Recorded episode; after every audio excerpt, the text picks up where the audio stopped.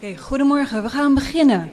Uh, naast mij zit Jannie Dutoy en ik moet eerst even namens Jannie zijn uh, excuses aanbieden omdat hij hier vanochtend niet eerder kon zijn. Hij komt nu rechtstreeks uit een concert in de Vismerzaal, waar hij zijn prachtige programma Doep is niet Whitney uh, heeft opgevoerd. En we gaan onder andere daarover, over dat programma, ook even praten. Uh, maar Jannie, ik wil ietsje eerder beginnen. Kijk, jij gaat al meer dan 50 jaar mee in de Afrikaanse, 40 jaar mee in de Afrikaanse muziek. Uh, je hebt een paar jaar geleden een prachtig boek gepubliceerd, een overzicht van jouw hele carrière onderweg. En daar hoorde ook een CD bij. Um, met een heel prachtig overzicht van jouw oeuvre. Um, maar in de jaren 70 was het niet zo goed gesteld met de Afrikaanse muziek. Kun jij iets vertellen over de toestand toen? Dit was maar een beetje nou. Zo erg. Hoe komt? Niet zo erg nie. Nee, nee, nee. nee. Um, ons het ooreengekom ek gaan Afrikaans praat. Is dit in orde so? Daar's nie iemand wat nie Afrikaans verstaan nie. Ek gaan stadig praat vir die Nederlandse ore. Ja, ehm um, kyk ongelukkig dink ek gaan dit maar dwars oor die wêreld so dat ehm um, die kommersiële wêreld word dikwels oorheers deur resep musiek. Daar kom 'n resep en dan vir in in maar kom ek praat liewer net oor Afrikaans. Kom ek probeer nie om te te te maak of ek weet wat in ander lande gebeur nie. In Afrikaans was dit maar so vandat ek 'n kind was dat ehm um, daar's 'n sekere resep. In daardie jare wat dit 'n sekere soort van orgeltjie klank. Daar was natuurlik tromme, daar was basgitaar, daar was 'n gitaar en dan was daar girly voices, 'n klompie stemmetjies wat so ooh ooh ooh bietjie agter. En ek sê nie dat elke lied presies dieselfde geklink het nie, maar dit was die resep. Dit was hoe dit gedoen was en tekste is eintlik negeerbaar was in die 60er jare grootliks negeerbaar wat my betref. Ehm um, dis my gevoel gewees as as jong man wat geluister het na die Stones, na die Beatles, na uh Bob Dylan, na Simon and Garfunkel, uh the Eagles, ehm um, noem nou maar op die die die groot kunstenaars van daardie tyd. Dit was ek ek ek hou van musiek en ek hou van taal.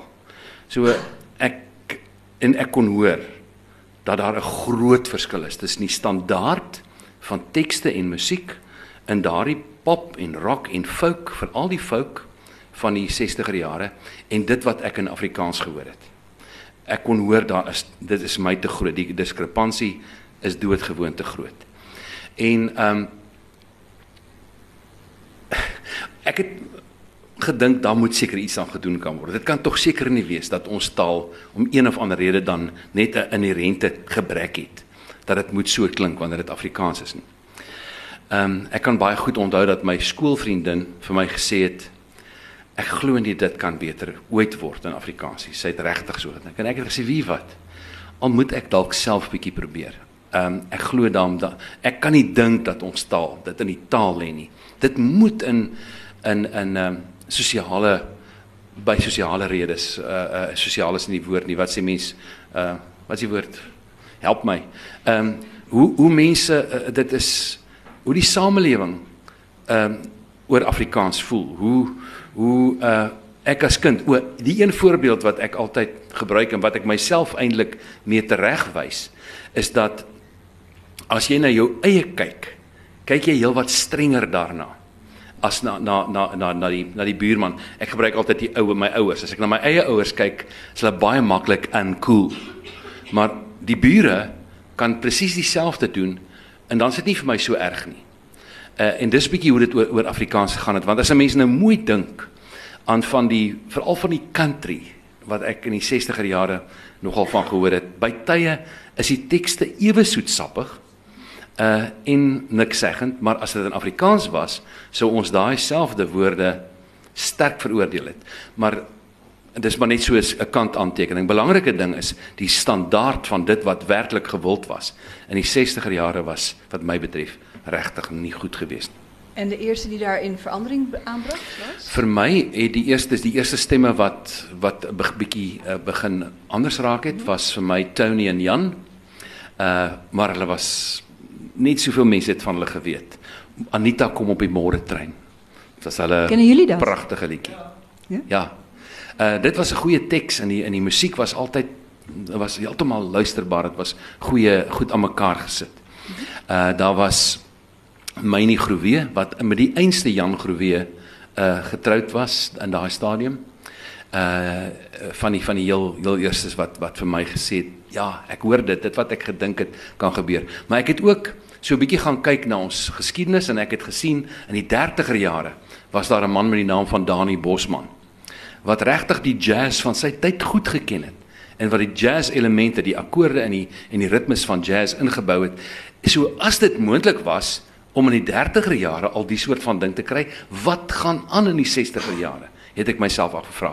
Ja, gelukkig was daar mense wat glad nie in die openbare oog nie. Die platenmaatskappye het gesê, "Wat vang jy aan?"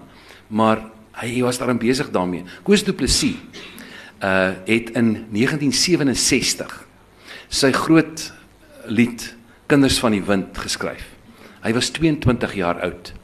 Die platenmaatskappye het glad nie belang gestel nie. Uh dit was 1967. Eers 12 jaar later toe Katinka Heinz en Chris Barnard 'n 'n 'n 'n fliek 'n 'n 'n televisiereeks gemaak het Phoenix en Key en hulle by Nick Taylor gehoor het van van hierdie man of eintlik dalk by 'n vriend Karel Tennyson. Ehm um, het hulle die lied gevat, Larika het gesing en skielik was Koos Du Plessis op die map gewees. Hoe heb jij voor ek mag nie daai woord gebruik nie, ekskuus. As Hoe heb jij voor het eerst kennis, gemaakt met het werk van Koos Du Plessis? En wat vond je daarvan op dat moment? Wel, ek het skoonsus Justa uh Du Plessis toevallig ehm het in toe ek op RAU was in die laat 70er jare vir my dit kom speel. So as die eerste en ek het gedagte dis fantasties. En wat ja. voor indruk maakte dat? Wel, verskillik is hier tekste wat werklik waar vergelykbaar is met die folk uh waarmee ek groot geword het en wat ek gedink het dit maak sin. Hier hier begin dan nou iets te gebeur. Uh en Koos, kyk in die, in die laaste tyd oor die afgelope 20 jaar was daar regtig veral van die alternatiewe Afrikaanse musiekmakers wat nogal hulle geroem het daarop dat hulle net drie akkoorde ken. Nou uh, dit is daar is geen probleem met drie akkoorde nie. Kinders van die wind het drie akkoorde.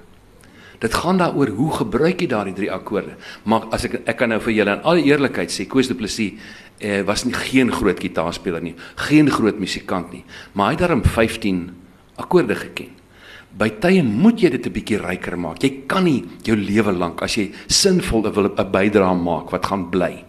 Uh kan jy nie net op drie akkoorde werk nie. Regtig, dan gaan dit te te dit gaan te eenselwig raak. En uh ekskuus, nog 'n kant aantekening. Die Beatles se musiek benewens sê maar die groot klassieke komponiste by ons daarso in in Johannesburg. Classic FM is is die Beatles, uh die Lennon McCartney van die grootste komponiste. Natuurlik verwerk vir kore, verwerk vir gitaar, verwerk vir wat ook al, maar die rykheid van die akkoordstrukture van die Beatles maak dat dit uh, vatbaar is vir groot orkesverwerkings. So die feit dat Koos daarom nie net by die drie akkoorde gebly het nie, uh, het vir my ook nou die die wonderlike ding gegee dat Clinton Zurf, 'n wonderlike jong komponis en en en verwerker hier in Suid-Afrika het het vir my nou vir my program uh uh doop is nie dood nie die verwerkings gedoen. En gewoon omdat Koos Du Plessis nie net drie akkoorde gebruik het nie uh ek kan die goed het die goed regtig nogal 'n 'n 'n diepte uh wat wat om leen daartoe om vir verskillende op verskillende maniere gebruik te word. Die rock ouens gebruik al jare kose musiek. Die uh, kore sing al jare sy musiek. Dit- dis is amper soos ek wil amper 'n bietjie die vergelyking trek tussen die Beatles en ou Koos. Jo, as ek Koos daarvan gedink het, hy's se trots geweest. Ehm um, maar net die feit dat daar 'n bietjie meer diepte beide in die tekste en in die akkoordprogressies lê maak vir die, die goed meer uh, toeganklik, maak dit meer ehm um, bruikbaar vir vir verdere. Oké, ik wil het nog even hebben over het programma eh Doe eens niet, doe het niet. Ehm, kun je iets vertellen over de liedjes die je gekozen hebt? Waarom juist die? En ik ben heel erg nieuwsgierig naar jouw geheime wapen, Susan. kun je daar iets over Ja. vertellen? Nee, dit- dit- daar was nie 'n probleem om die li- liedjies te nie. Uh ek het om die waarheid jou te sê, die probleem was net wat moet ek kan ek weggooi want ek kon daarom nou nie meer as 23 liedjies inpas in een program nie. So ek het die ek moes net net goed uitlos. Nee, ek het geen spesifieke plan gehad met die met die keuse van die liedjies nie. Daar's wel sekere liedjies wat nou maar seker gunstelinge is wat ek nie durf uitgooi nie. Uh wat ek wel gedoen het is om om omdat Koos soveel geskryf het aan liedtekste en aan gedigte, selfs kortverhale, het ek ehm um, seker uit 'n stuk of terwyl ek 23 liedjies op die verhoog sing, het ek seker maklik uit 20 van sy liedere aangehaal. Net sulke kort stukkies, iets so begeesterends vir my soos om deur te breek deur dit wat mense sien as perk van jou vermoë. Om vas te weet die gees se grense word bepaal deur wat jy glo. Om voort te gaan as ander ophou. Selfs van voor af te begin. Om uit die puin weer te kan opbou en jou neerlaat te oorwin. Ek het dit het ek besluit moet ek voordra en uh daar's was baie van die van die van die tekste uit sy liedjies dus wat ek op die manier of sommer net so kort greepie kon gebruik. So ek het hom behoorlik volgepak met Koos de Plessis tekste. Het is een prachtig programma. Nog eventjes over de rol van Susan, want uh, de O, show heeft een hele O, ja. bijzondere sfeer Ja, dankzij haar cello. Uh Susan Mouton is die eerste uh wel is die hoofcellist van die uh Johannesburgse Filharmoniese Orkees en ek het die afgelope 4 jaar uh vandat ek my 40 jaar met Afrikaanse musiek 5 jaar gelede gevier het, uh is werk Susan min of meer voltyds saam met my. Uh dit gaan uh is, is partykeer het, het ek haar geboek voor die sinfonieorkes dan speel sy vir my. Maar dit is ongelooflik die die bydrae wat die klanke van 'n cello kan maak. Um, hy kan melodies speel, maar hy kan ook ritmies speel en natuurlik daardie bas wanneer hy gepluk word. So uh, daar's 'n rykdom van bydraes uh, wat wat wat dit lewer tot die die hele sfeer, die hele belewenis van die musiek. Groot. Absoluut, Ja. Oké, we gaan het nu hebben over de Nederlandse invloeden in jouw werk, want daarvoor zijn we uiteindelijk vandaag hier. Eh, en je hebt net verteld dat die eh, Afrikaanse muziek er in de jaren 60 zo treurig aan toe was. Ehm, maar wat wisten jullie op dat moment van de Nederlandse muziek? Ek wist er niks van. Waarom niet? Hoe kwam dat? Ehm 'n uh, treurige verhaal wat my betref. Ehm um, daar was bydraes wat gelewer is deur Nederlanders en Vlaminge tot Afrikaanse musiek in die ou tyd. 'n uh, 'n dame, ek gaan haar naam nie nou dadelik kry nie, het teen 1860 die Afrikaans die die die Transvaalse volkslied geskryf. Kent gij dat volk vol heldenmoed en toch so lang geknecht? Sy hy heeft geofferd goed en bloed voor vryheid en voor reg. Maar sy het 'n pragtige toonsetting daarvan gemaak en daardie lied kan tot vandag toe staan want dit is so dit is so mooi aan mekaar gesit. Dan nog 'n voorbeeld, maar daar's baie meer. Ek gaan dit julle nie verveel met almal nie, maar 'n baie interessante een. 'n Vlaming met die naam van Emile Hullebroek het ek dink in 22 of 23, 1922 of 23 op 'n boot geklim om Suid-Afrika te kom sing met sy kitaar. Maar daar was baie tyd tydens sy reis na Suid-Afrika en hy het besluit hy gaan 'n paar toonsettings van Afrikaanse gedigte maak. Hy kry die 'n uh, 'n uh, liedjie uh lam titi dam titi doo. Oeps, daar sing ek die wysie, dis wat hy geskryf het. Uh ek weet nie wat die titel daarvan was aanvanklik nie. Uh maar hy noem dit toe Afrikaanse wiegelied. Dis 'n teks van Langehoven. En met sy gitaar gaan skryf hy lam titi dam titi doo doo my liefstetjie moeder hart rowertjie dierbaarste diefstetjie luister hoe vlei ensovoorts. Gitaar en hy kom sing dit hierso. En dit bly tot vandag toe. Ek het dit in my bababetjie gehoor as my ma dit gesing het. En dit bly tot vandag toe. Verseker die mooiste aangrypendste uh um uh, wiegeliedjie in Afrikaans die Was vreemd Lange- Was het Langehoven of Leipold? Lange lange hoewe, ja. Ja ja. Uh, die ek weet nie wat gebeur het nie. Hoekom? Julle moet vir my dit sê want ek kon dit nog nie die antwoord daarvoor kry nie. Waarom het daar bande gebly tussen die literêre wêrelde van Afrikaans en Nederlands, maar nie uh uh die die musiekwêreld. Daar het 'n afbreekpunt gekom toe ek 'n klein ouetjie was. Weet julle wat my idee van van Nederlandse musiek was? 'n Uitspan op die Hollandse werf. Saterdagmiddag net voor die rugby en dis net akkordeon musiek gewees. Dit het aange, dit het aangesluit so bietjie by my gevoel van boere musiek. Uh, nie waar nie heeltemal waar nie, maar dit is die gevoel by my gewees, mooi jazz invloede daarin en so aan en dit is mooi, maar niks tekste nie. Niks wat vir my laat dink het my wat hoekom hoekom is dit nou Hollandse werf nie. Ons het die Nederlandse 'n tyd, ag dis 'n musiek van elke tyd van die 20er jare en verder wat my betref glad nie geken nie. Ons het nie 'n idee gehad wie Toon Hermans nie.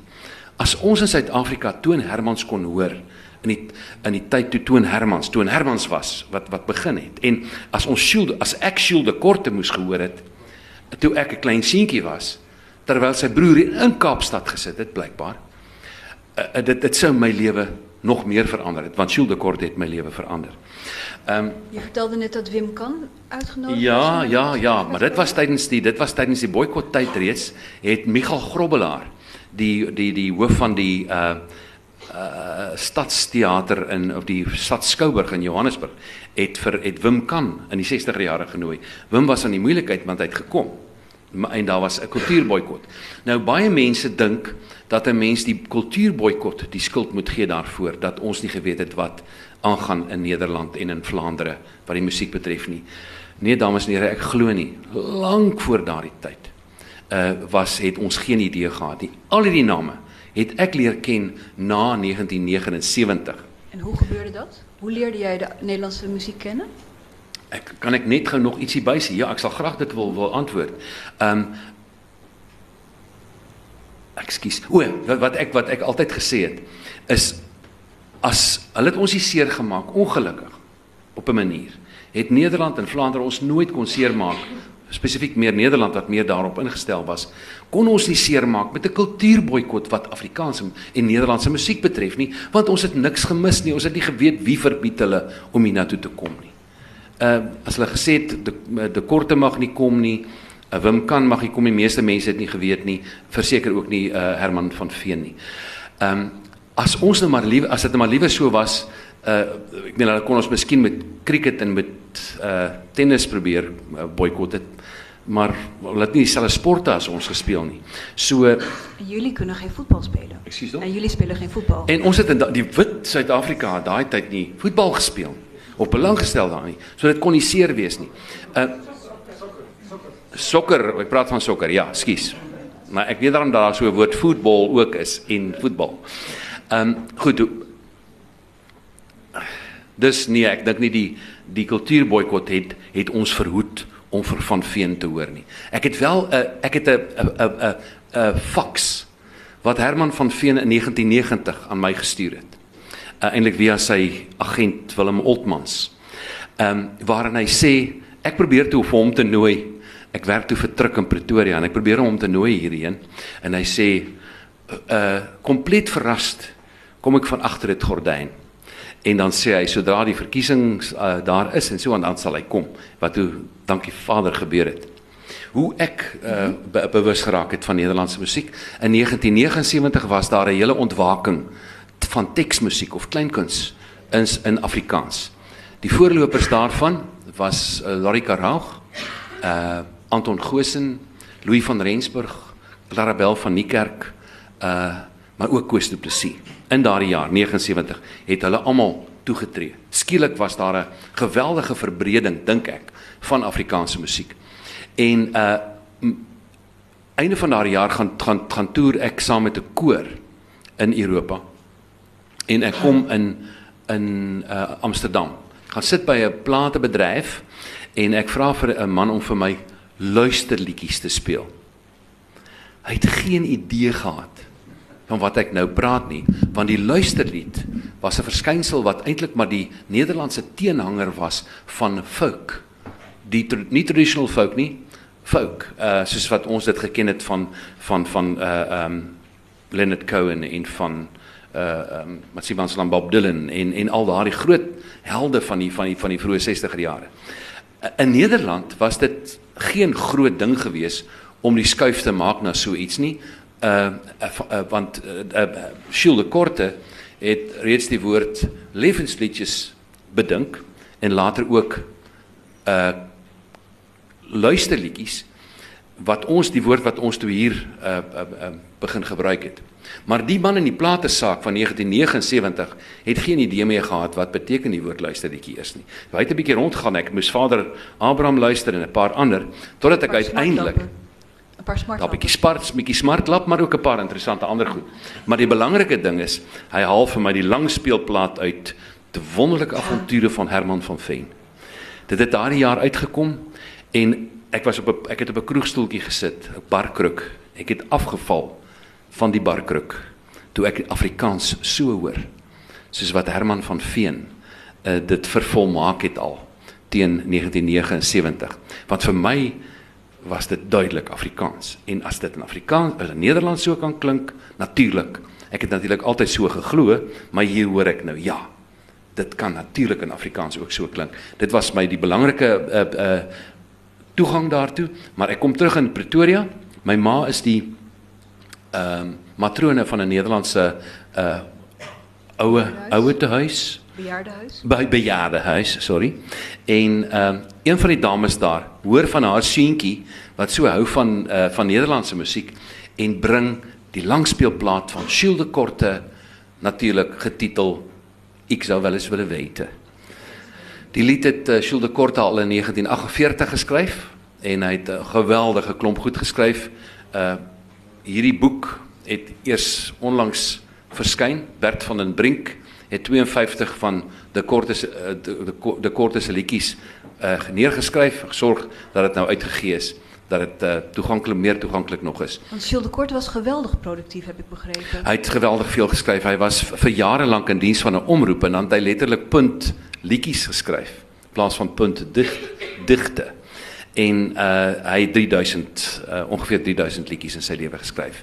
En ehm um, hy het gedink wanneer hy skryf hy was hy was so begaafd geweest wat die wat die musiek betref en seker sekerlik ook wat die teks. Hy word regtig daar word aanspraak gemaak op de korte deur die literêre wêreld net soveel as deur die musiekwêreld. En ik heb begrepen dat je hem ook hebt ontmoet. Vers- Bekend. Ja. Ja. Ek het 16 jaar lank na sy musiek geluister en hy het my werklik begeester. Ek het van sy goed gesing en uh saam met Christa Steyn wat my pianis in die tyd was, terloops een van die heel grootste talente ooit in Afrikaanse musiek. Christa is 2 jaar en nou byna 3 jaar gelede tragies oorlede op 'n jong leeftyd, maar sy het vir my die wêreld van de korte oopgemaak want daar het in daardie stadium toe ons genooi word in 19 nee in 2001 om by 'n gedenkprogram vir de korte op te tree. Het iemand na die tyd vir my gevra, "Waar kry die vrou die musiek in die hande?" Christa was net so volledig begaafd geweest. De korte was regtig beïndruk met haar met haar begeleiding. Sy sy kon letterlik elke noot naspeel. Ehm um, Ik denk dat Christa heel erg belangrijk is geweest voor jou, zodat je dat repertoire kon zingen. Want Precies. je had een geweldige pianist nodig. presies. Maar vorig jaar heb je een hele bijzondere tour door Nederland gemaakt. Ja. Met Bert van der Brink. Kun je daar iets meer over vertellen? Ja, uh, wij ontmoeten dus in uh, 2001 bij zo'n uh, bij uh, 2001 het ons ontmoet bij daardie herdenkingsprogram. Uh en Ber- Bert van den Brink het die instrumentale weergawe gespeel. Hy is sy vak by die Utrechtse Konservatorium is jazz improvisasie. Uiters uiters begaafde pianis en ons het mekaar so leer ken deur de korte eintlik dan maar op 'n manier en uh ons het daardie tyd uh, toe uh, ons uh, mekaar leer ken het, het ons sê dit sal lekker wees om een of ander tyd saam te werk maar natuurlik het ek vir Christa gehad en ek het baie van de korte gesing. En ehm um, so tyd gelede het Bert en ek weer kontak gehad en ons het besluit kom ons doen saam 'n program van van uh, de korte se musiek ons het dit genoem Grenseloos Nederlands en daar sit so 'n uh, ook 23 liedjies in. Uh liedjies van Jules de Korte en dit was wat 'n voorreg om saam met uh, saam met Bert van den Brink hierdie uh musiek te kon uit te kon uitvoer. Ehm uh, daar was 'n aand gewees wat Thys van Leer ook by was en hy en Jules hy en Bert van den Brink uh musiseer dikwels saam regtig op die hoogste vlak uh, is is is is Bert en dit was wat 'n voorreg om saam met hom te speel. Ik zie toevallig dat het programma ook in braille gedrukt is. En ik denk dat dat een overeenkomst is tussen Jules en Bert. Ja, die zijn beide blind. Ja. Ja, ja. Ja. Maar dat dat is uh ja, ons ons het hulle in 2007 begin om altyd programme ook in braille beskikbaar te stel. Ons werk so 'n bietjie saam met die vereniging vir gehandicapten, gestremdes in Afrikaans. Uh en uh, dan uh, help ons 'n bietjie met die met die lusstelsel. Dit is dan 'n stelsel wat vir vir uh, dowes dit moontlik maak om deur hulle toerusting heeltemal digitale musiek te hoor van die verhoog af en 'n paar ander maniere om dit vir vir vir uh gestremdes Ja, toeganklik te fantastisch dat jullie dat doen. Dit is lekker om saam met hulle te werk. Hulle help ons meer as wat ons hulle help. Ja. Oké, we houden het even bij het Nederlands, want wat mij altijd opvalt is dat je een prachtige uitspraak van het Nederlands hebt. En een tweede aspect, die teksten van Jules de Korte zijn ge- geweldig moeilijk. Hoe hard heb jij moeten studeren om dat allemaal voor elkaar te krijgen? Ehm um, ek het jare lank geluister na die korte. So daar's van die goed wat net outomaties gekom het, maar daar was van die tekste veral verlede jaar toe ek skielik so 'n stuk of 12 nuus moes leer. Uh, dit was nogal moeilik geweest. ja, bef, mm, ja, iets een teks is ehm um, seven kippen. Zeven kippen wonen keurig in een keurig kippenhok. Lekker fris en lekker fleurig, van de worm tot de nok. Uh, hoe ze leefden heel tevreden, zon, uh, uh, ongeveer in harmonie. Zonder te veel moeilijkheden, zonder te veel fantasie. Tok, tok, tok, tok. Uh, maar ja, dat is... Uh, en, en dan, dat is in een geweldige, vinnige tempo. Dus die moet heel vast, die zit... Ek het ek sê maar deesdae die tekste het nou alle name uit my kop uitgedruk. Ek kan nie meer mense se name onthou maar die tekste sit daarom daar.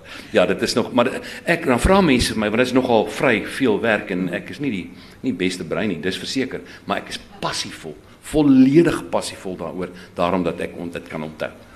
Um, jij bent een geweldige ambassadeur in Zuid-Afrika voor het werk van Jules de Korte. Ik denk dat het werk van Jules de Korte inmiddels in Zuid-Afrika dankzij jou bekender is dan het op dit moment in Nederland is. Uh, je bent ook uh, een ambassadeur voor het Nederlandse lied in Zuid-Afrika. Uh, wat bezielt jou? Waarom doe je daar zoveel moeite voor? Ek dink dat daar ek dink dat daar vir my persoonlik die meeste wins was daar sonder enige twyfel dat dit my verskriklik verryk. Veral omdat ek so sterk daaroor gevoel het dat asseblief kan ons nie iets beters kry in Afrikaans nie.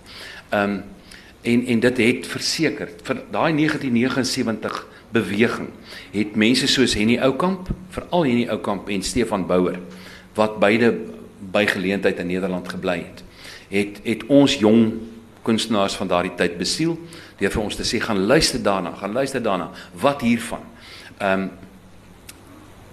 maar maar ook ek het werk gehad. Ek het ek het 'n job gekry. Ek het dis wat ek doen. Ek is 'n ek is 'n vryskut so as mense vir my vra of ek besig is, sê ek ja.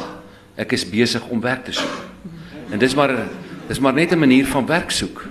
Uh maar maar, maar as as iets jou werklik begeester, ek is gek oor taal. Ek hou regtig ontsettend baie van taal. En ek hou regtig ontsettend baie van musiek. En as die twee goed dan werklik op 'n ideale manier bymekaar kan kom, dan word ek werklik besiel en daarom daarom dat ek begeester is daaroor. Laatste vraag. Misschien zijn er straks nog vragen vanuit de zaal. Uh, maar er zitten hier een heleboel studenten. Waarom moeten die naar Nederland en waarom moeten die naar Vlaanderen? Wat vinden ze daar?